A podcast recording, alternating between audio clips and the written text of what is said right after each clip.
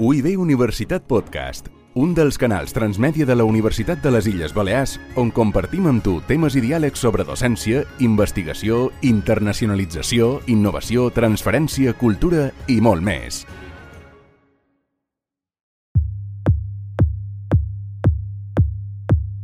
Hola, eh, sou persones mil milionàries? Per estadístiques és més fàcil que sigueu dels altres, dels que més aviat anau cada vegada més justos. Però el cas és que fent càlculs podem establir que d'uns dos anys i mig cap aquí, aproximadament, de mitjana, una persona esdevé mil milionària, escoltau bé, cada 30 hores. Però és que cada 33 hores un milió de persones ingressen en sa pobresa extrema. Estan parlant de desigualtat, en majúscules. I d'aquí poc podreu escoltar un portaveu de l'ONG Osfam Intermón comentant l'origen i causa d'aquestes dades. Aquesta escletxa profunda que s'ha greujat els darrers dos anys i mig, com vos deia. Així que benvinguts a En quin món vivim, el podcast de l'Oficina de Cooperació al Desenvolupament i Solidaritat de la Universitat de les Illes Balears que pretén anar tractant temes que tenen a veure amb aquest canvi d'era en el qual ens trobam immersos marcat per grans qüestions, crisi climàtica, de recursos, social, econòmica, grans temes que han de veure si són capaços de resoldre dignament com a civilització. Fa impossible aquest espai en Xema González, a la part tècnica, i en David Oliver, qui vos parla, a la producció, els guions i l'edició. I continuem estirant del fil de la primera sèrie que hem titulat Capitalisme, col·lapse o mutació, una sèrie que consta de quatre capítols i aquest n'és el tercer. Capitalisme i desigualtat, propostes per revertir-la, així l'hem titulat. Vos recordam que dia 5 de juliol de l'any 2022 van convocar tot un seguit de persones en el pati de l'edifici de Sarriera de Palma per anar analitzant tot un seguit d'aspectes vinculats a la realitat que se deriva del model econòmic capitalista. L'enregistrament d'aquella sessió ha derivat en aquesta sèrie de podcast que estàu escoltant. Les entrevistes que fèrem allà s'anaren combinant amb l'escolta compartida de diferents testimonis enregistrats prèviament que ens serviren per anar orientant el tema, com les explicacions d'en Bernat Riutor, doctor en filosofia, titular en filosofia moral de la Universitat de les Illes Balears, especialista en capitalisme. I per encetar aquest tercer capítol, vàrem escoltar aquest comentari seu. Des del 2008 el capitalisme global neoliberal financiaritzat està en crisi. No tant aquest nou, sinó aquest occidental. Per què? Perquè la tassa de guany no puja. Guanyen es, eh, el que puja són els guanys financers, però no la tassa de guany de l'economia en general. Eh? I ha poca inversió. I una economia capitalista necessita inversió per, per, per créixer. Hi ha poca inversió per què? Perquè la inversió, l'economia real depèn del guany. I si la tassa de guany no puja. Perquè, perquè està en crisi aquest tipus de capitalisme, té fases d'expansió i crisi, la fase d'expansió va ser, en els anys 60 va començar amb Reagan i en Thatcher a desenvolupar-se, en el 90 va ser el seu esplendor, en la primera fase de, de tenir un moment de crisi forta, en la crisi de les.com a principis del 2000, però després se va forçar financerament l'endeutament de dels individus, de les empreses i dels estats, fins que va rebentar la bimbolla en 2008. Rebentant la bimbolla se va, diguéssim, posar de relleu que aquest tipus de capitalisme ja havia, entrava en, en, una, en un període de crisi. Durant tota la dècada de 2010 fins al 2020, la tassa de guany no pujava, encara que sí pujaven els, els guanys de les empreses financeres i de les tecnològiques. Aquests sí pujaven molt, però la resta no. I la desigualtat ha continuat creixent i no s'han solventat els problemes estructurals que hi ha. Desigualtat és un dels temes que des de fa ja anys ve analitzant eh, l'ONG Osfam Intermón, que n'ha elaborat diferents informes, es darrer beneficiar-se del sofrimiento. Han pogut recollir algunes declaracions al respecte de Niñigo Macías, ell és expert en desigualtat d'Osfam Intermón. D'això tracta, beneficiar-se del sofrimiento, segons les seves pròpies paraules. Sí, aquest informe el que tracta és de fer una mica un resum de, de, del que ha succeït en els darrers dos anys i mig, des de que va començar la pandèmia, identificant eh, analitzant com ha evolucionat la desigualtat a nivell global, però també dintre dels països, quines han estat les, les, les dinàmiques que expliquen aquesta, aquesta evolució de la desigualtat i, i fent l'èmfasi especialment durant el darrer any en el que els preus de béns i serveis tan essencials com ara l'energia, els aliments, etc s'han disparat. No? El nostre titular era que en, en aquests dos anys de pandèmia han aparegut 573 nous mil milionaris, o sigui, estem parlant de persones que tenen una riquesa, un patrimoni per valor de més de 1.000 milions de dòlars, el que suposa un nou mil milionari cada 30 hores. I l'altra cara de moneda és que esperem que a finals d'aquest any eh, hi haurà 263 milions de persones més addicionals eh, en situació de pobresa extrema, un milió de persones a cada 33 hores. No? El que veiem és que tant la pandèmia com aquest increment de preus no ens afecta a, a tots per igual. I en tot això, qui guanya i qui perd? I les persones que surten guanyant són aquelles que ja en tenen moltes coses, que tenen molt de patrimoni, perquè per elles eh, fer-hi front a la situació tant de la pandèmia eh, com d'ara dels alts preus d'aquests béns essencials, estan molt més dotats, tenen moltes més capacitat per, a, per, a, per enfrontar aquesta tormenta. No? I a més, no, no tan sols per això, sinó que, que a més les persones que tenen més acostumen a ser les persones que tenen un, un treball, eh, una feina més estable, la probabilitat de perdre el seu lloc de treball és, és molt més petita, tenen sous més grans, etc. No? El que veiem és, sobretot en aquests darrers mesos, bueno, però ja portem un any, eh, doncs, doncs veiem com empreses dels sectors energètics, de l'alimentari, del farmacèutic, sobretot durant, eh, durant l'època de la pandèmia, que acostumen a ser sectors d'activitat que, que, que estan dominats per, per poques empreses amb molta, amb molta capacitat per influir, amb molta concentració de poder, són les que estan, estan observant beneficis sense precedents. No? Tot i que, com deia, els salaris de les persones treballadores encara no, no s'han recuperat encara no s'han recuperat de la, de la pandèmia de la Covid. El sector farmacèutic eh, va crear eh, 40 nous mil milionaris, estem parlant de persones propietàries d'aquestes empreses farmacèutiques o que treballen en llocs d'alt perfil d'aquestes empreses farmacèutiques. Per una banda, veiem a moltes persones, principalment eh, doncs, dones, eh, joves, eh, persones migrades, les que han perdut la feina, eh, les, que, eh, les, que han, eh, les que han tingut un cop més més fort, però per altra banda doncs, veiem, per exemple, a l'altra cara aquestes, aquests nous 40.000 milionaris no, que ha creat aquest, el sector farmacèutic. Què causa la desigualtat?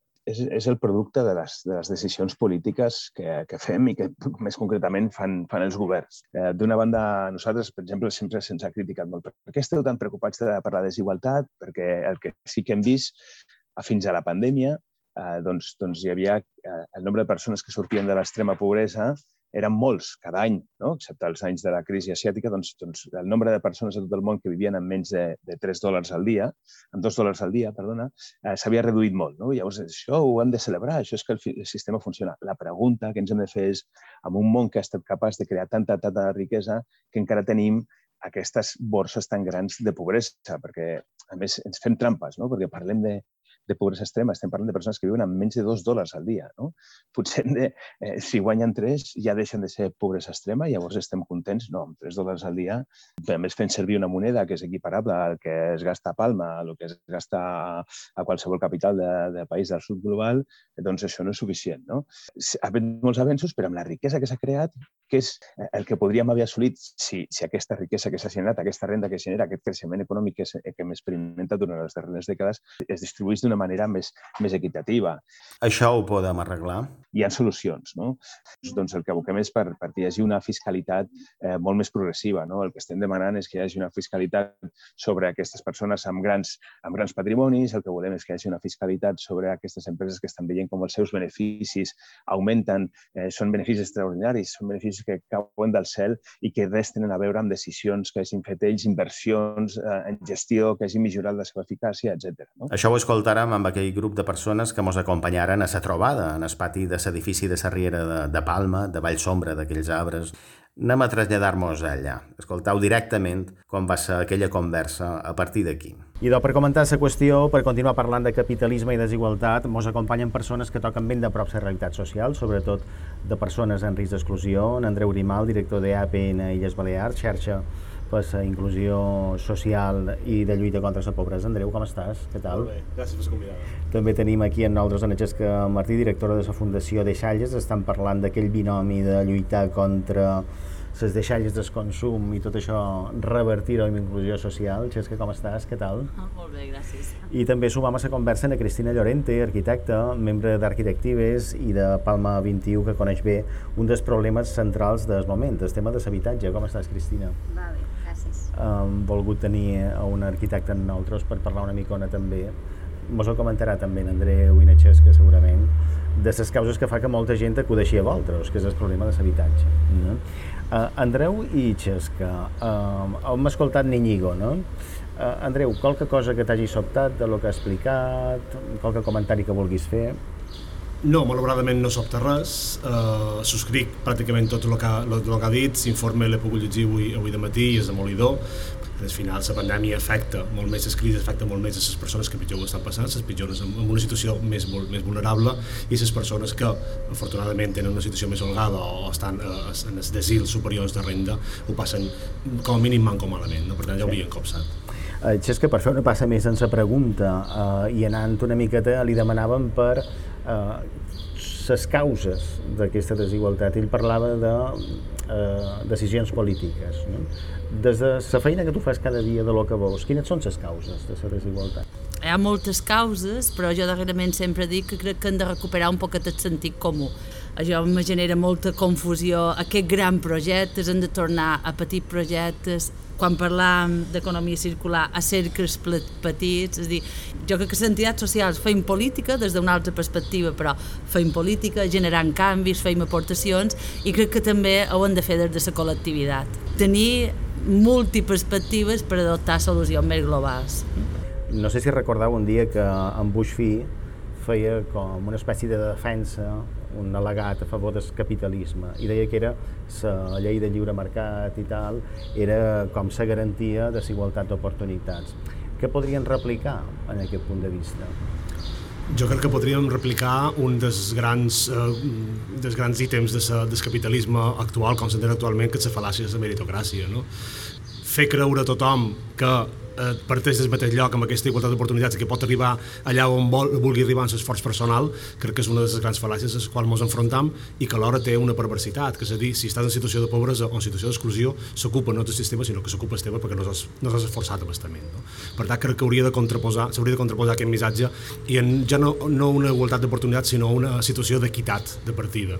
No? Hi ha un meme que circula molt per internet, que són tres nins que miren un partit de futbol a través d'una tanca, si li posam una catsa a cada un, el petit no veu futbol futbol, no? però els grans no estat, no hem estat catsa. Si n'hi posant dues en el petit, això ja no és igualtat d'oportunitats, sinó és equitat, no? i crec que hauríem de tornar cap aquí. I Andreu, per lo que tu veus a APN, les causes més comuns de l'exclusió quines són? També és multicausal, l'exclusió, lògicament. Eh, lògicament, no, tenir, no disposar d'una garantia d'ingressos és fonamental quan parlant de pobresa i exclusió, però una de les grans palanques que ara mateix, i crec que la Cristina ho ampliarà molt més, del sistema de l'habitatge. No? No poder accedir a un dret tan bàsic com l'habitatge, de poder disposar d'un sostre per desenvolupar un projecte de vida, és fonamental quan parlant de processos d'exclusió. Les persones que no els fan un itinerari en nosaltres, una de les problemàtiques principals és no tenir no tenir ingressos econòmics, per tant, si no tens ingressos econòmics no pots fer pràcticament res, i un dels altres és l'edat. Jo això sempre me sorprèn, i com que me va acostant en aquesta edat també me reflexiona, molta de la gent que fa itinerari en nosaltres o que fa contracte d'inserció són majors de 45, que per ventura havien fet feina durant molt de temps, però ara ja el sistema no els troba útils. Hm? Es ve que hi ha joves, però sí que realment els majors de 45, eh, majors de 50 diria, és, eh, és espectacular. Deixalles és aquella cosa que t'enfronta com a una realitat que és un tant assoladora i m'agradaria que m'expliquessis o aportessis dades no? que creguis que són significatives. Clar, tenim persones en risc d'exclusió, persones que necessiten trobar una forma de sostén, malgrat tinguin una trajectòria professional, etc en molt de casos, i per l'altra banda tu veus tot allò que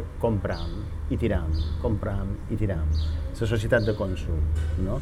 Tot això a dins el teu capet, quina reflexió en genera, en quines dades de residus de, de, de societat de consum esteu fent feina? Sí, jo crec que el tema de residus i el tema del malbaratament de, de, de materials és un, de, una des, un dels impactes més grossos del capitalisme.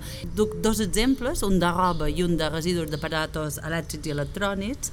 Eh, els darrers 50 anys han quadriplicat la producció de roba, hem disminuït el temps d'ús d'aquesta roba, és a dir, de fa 50 anys a ara, una prenda ja la tiram i l'hem usada un 36% manco, i, per exemple, a les illes hi ha dues entitats socials que recullen roba i només recollim el 14% de la roba que se consumeix en aquestes illes. Per tant, jo crec que això són dades demoladores que ens fan veure que qualque cosa han de fer diria que el tema dels de, residus d'aparells elèctrics i electrònics està incrementant moltíssim perquè és vera que volem de cada vegada ser més moderns, és vera, eh, tot canvia molt ràpid, per tant tota aquesta electrònica està generant moltíssim de residus que només se recupera un 20%. I ho enllaçaria a ponències d'abans que el tema de l'extracció de tots els temes informàtics i de materials està generant moltíssimes guerres en els llocs on s'estreven aquests materials. I aquí, a, eh, a nivell mundial i a Europa, només recuperam el 20% d'aquests materials. Mm?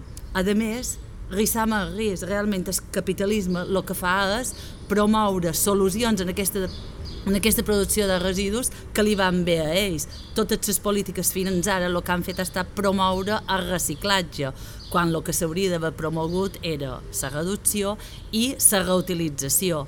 I a tot això diré que si tu promous la reutilització pots generar molt més lloc de feina que no fent reciclatge produint residus, és a dir, mos enriquint, produint materials, produint residus i mos enriquint gestionant aquests residus i fomentant reciclatge i no fomentant la reutilització. Val.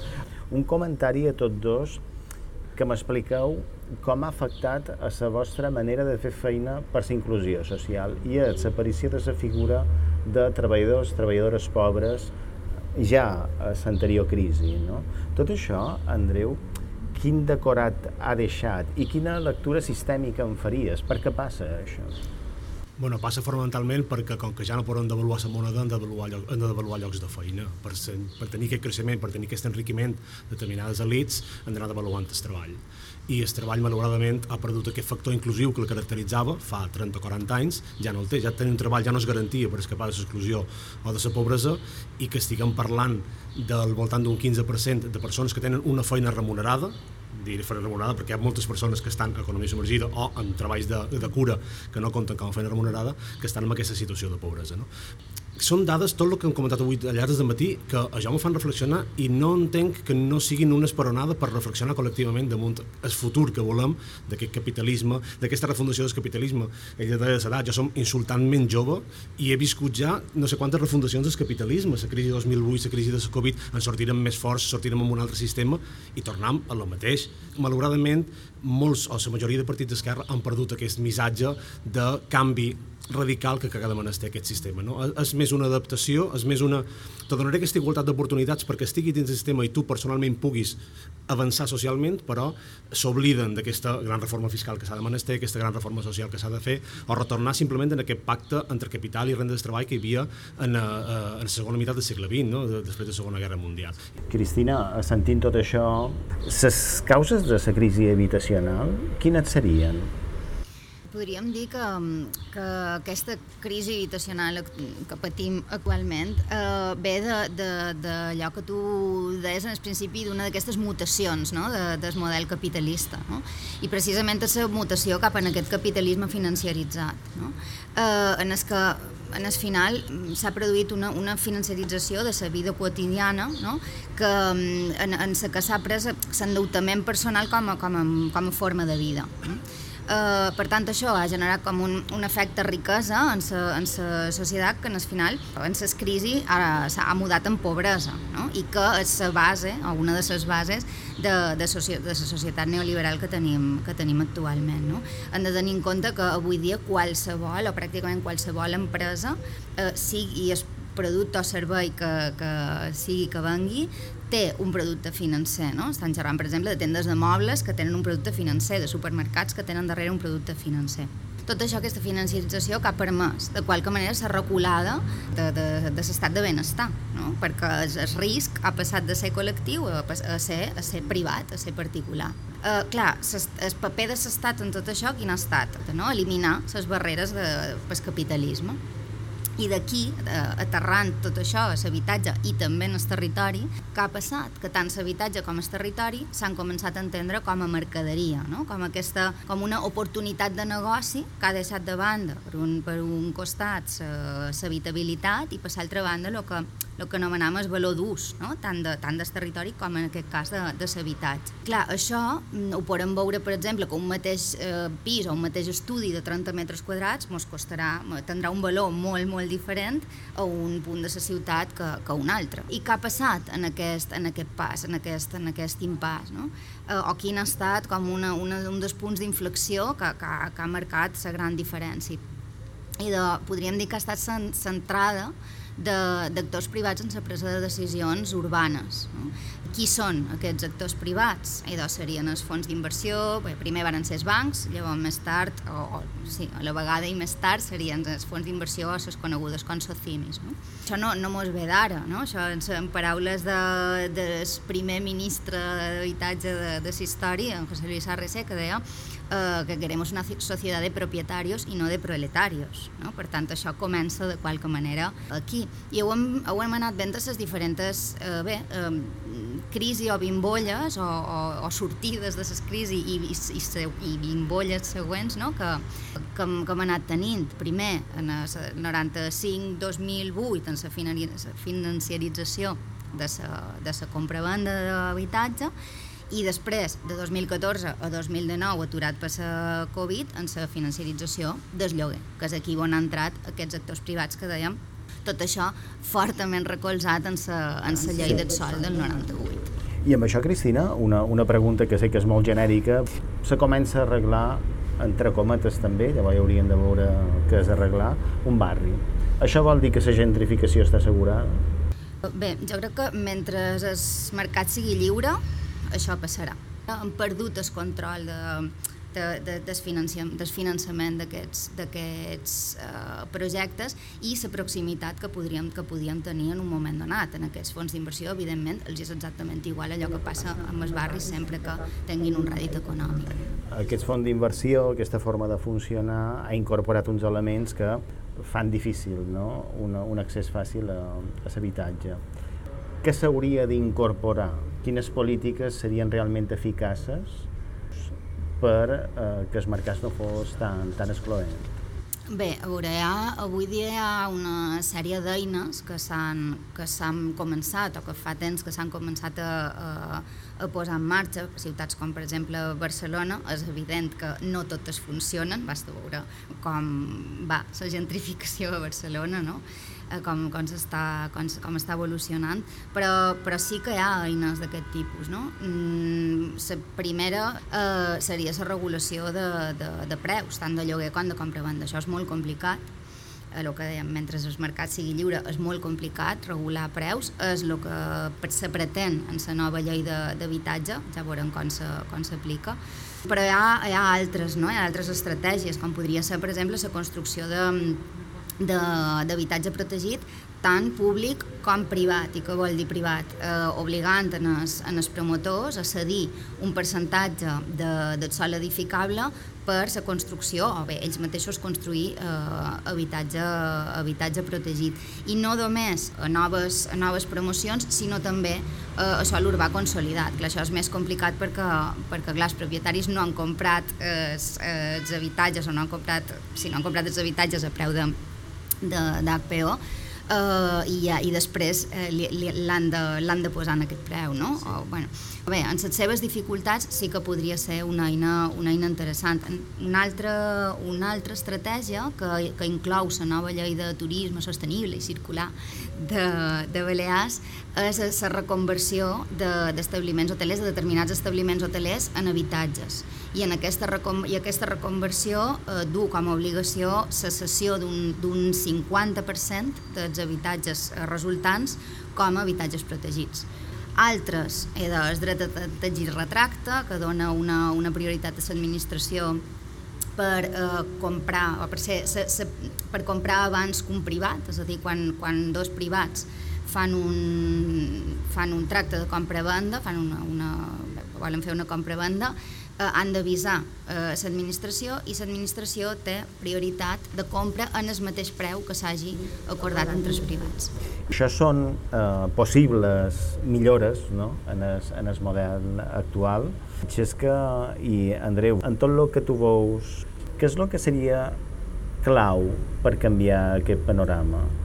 O què és el que creus que hauria de canviar?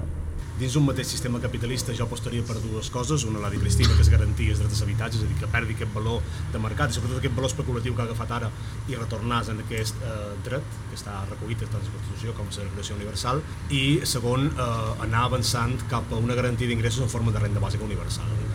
Crec que seria, dins del propi sistema capitalista, crec que seria una, un canvi prou radical no parlant d'altres sistemes, però, però radical que tothom tingués aquest mínim dret material a la subsistència. No? Aquesta renda bàsica universal serviria per garantir, per, per favorir el treball digne, serviria per eh, accés a la cultura, serviria per accés a l'educació, serviria per el tema de d'habitatge.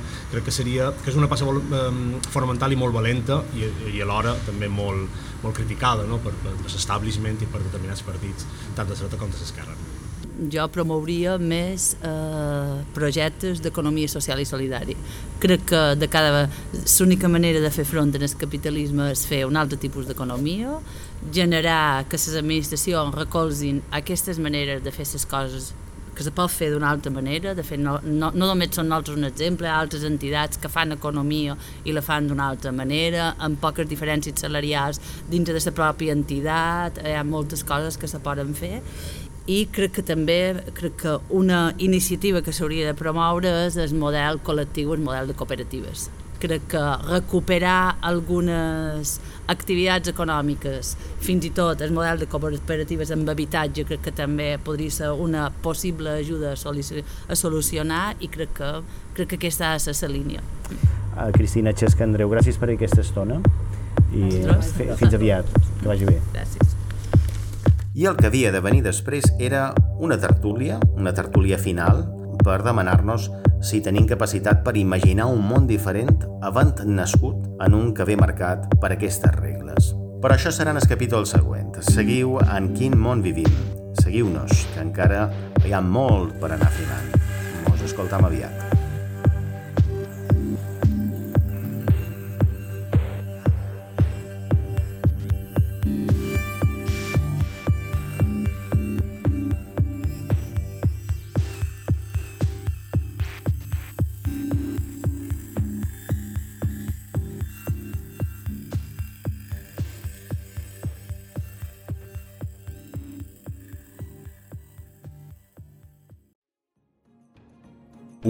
Universitat Podcast, un dels canals transmèdia de la Universitat de les Illes Balears on compartim amb tu temes i diàlegs sobre docència, investigació, internacionalització, innovació, transferència, cultura i molt més.